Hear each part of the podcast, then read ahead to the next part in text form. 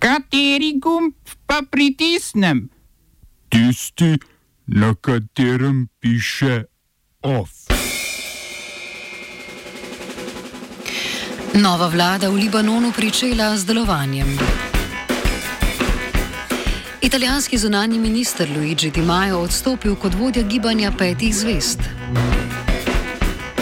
Ruski predsednik Vladimir Putin imenoval novo vlado. Dokončna likvidacija pulske ladjedelniške družbe Uljanik. 69 položajev, krok umetnosti in razreševanje Marjetice Mahne.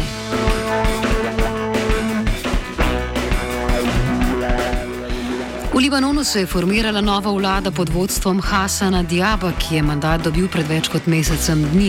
Diab, pred katerim še neznan profesor Ameriške univerze v Bejrutu, je neznanil, da bodo novo vlado tehnokratsko vodili neodvisni strokovnjaki, ki pa imajo podporo Hezbolaha in njegovih zaveznikov.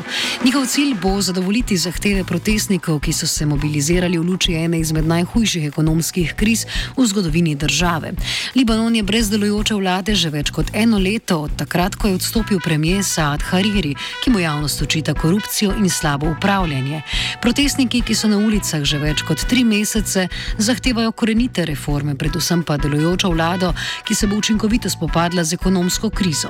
Diap je obljubil, da se bo nova vlada zauzemala za neodvisno sodstvo, izterjavo preverjenih, poneverjenih sredstev in skladov in se borila proti nezakonitim dobičkom. Protestniki pa kljub sestavi nove vlade ter obljubam novega premijeja niso zadovoljni. Mnogi zahtevajo popolno prenovo političnega sistema, novo vlado pa vidijo kot manevr, s katerim se bo nekdanja politična garnitura ohranila na oblasti.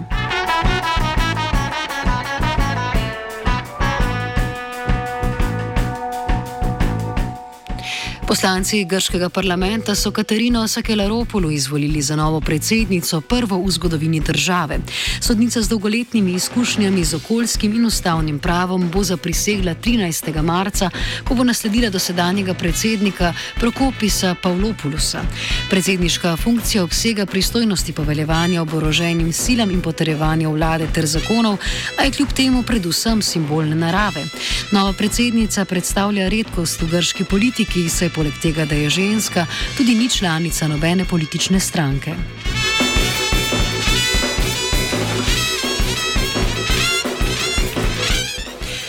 Ruski predsednik Vladimir Putin je manj kot teden dni po naznanitvi predloga ustavnih reform, ki so pripeljale do odstopa premijeja Dmitrija Medvedjeva, imenoval novo vlado, v kateri med drugim ostajata zunani in obramni minister Sergej Lavrov in Sergej Šojgu.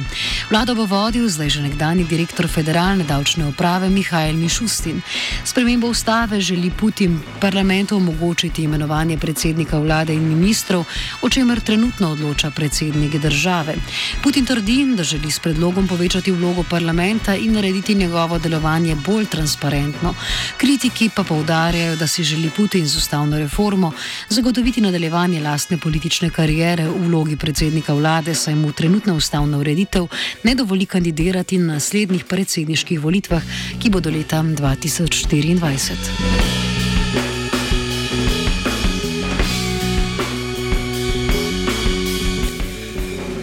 Indijsko vrhovno sodišče je dalo vladi predsednika Narendra Modija štiri tedne časa, da se odzove na številne vložene peticije, ki zahtevajo ustavno presojo spornega amandmaja zakona o državljanstvu.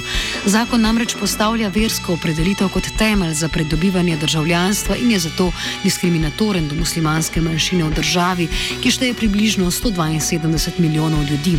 Odločitev sodišča, da vlado pozove k odzivu, je razočarala številne, saj to v mestnem času ni zadržalo izvajanja zakona, kar je bil tudi namen podpisnikov peticij.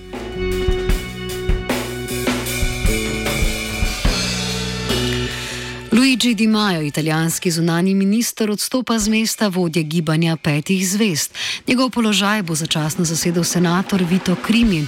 Gibanje petih zvest, ki zaseda večino sedežev v senatu, je od strankinega vstopa v koalicijo zapustilo že 15 članov, med njimi tudi bivši šolski minister Lorenzo Fieromonti. Stranka, ki je v vlado vstopila po volitvah leta 2018 in ki je bila del dveh koalicij, ustrajno izgublja podporo med voljivci. Na prejšnjih volitvah volitvah v Evropski parlament je dobila le 17 odstotkov glasov, pripravljajo pa se na prihajajoče na regionalne volitve.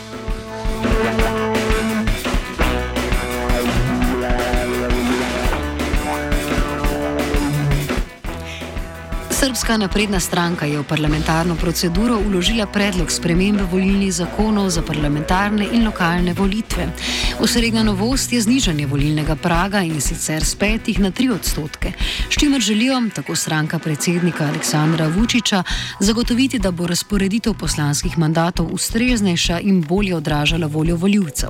A za, skriva, a za volilnimi spremembami se prej skriva manevr vladne koalicije, s katerim želijo prepričati, preprečiti, da bi opozicijske stranke bojkotirale prihajajoče parlamentarne volitve, ki bodo v Srbiji predvidoma potekale v drugi polovici aprila.